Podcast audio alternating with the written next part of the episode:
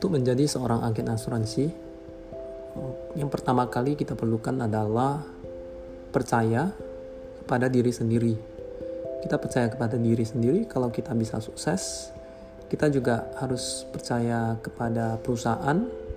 Kita juga perlu percaya bahwa pekerjaan atau tugas dari asuran agen asuransi itu adalah pekerjaan yang sangat mulia di mana kita membantu keluarga untuk mendapatkan perlindungan sehingga keluarga jika mendapat resiko maka keluarga yang ditinggalkan akan uh, memperoleh santunan uang pertanggungan. Sehingga keluarga yang ditinggalkan tetap bisa hidup secara mapan.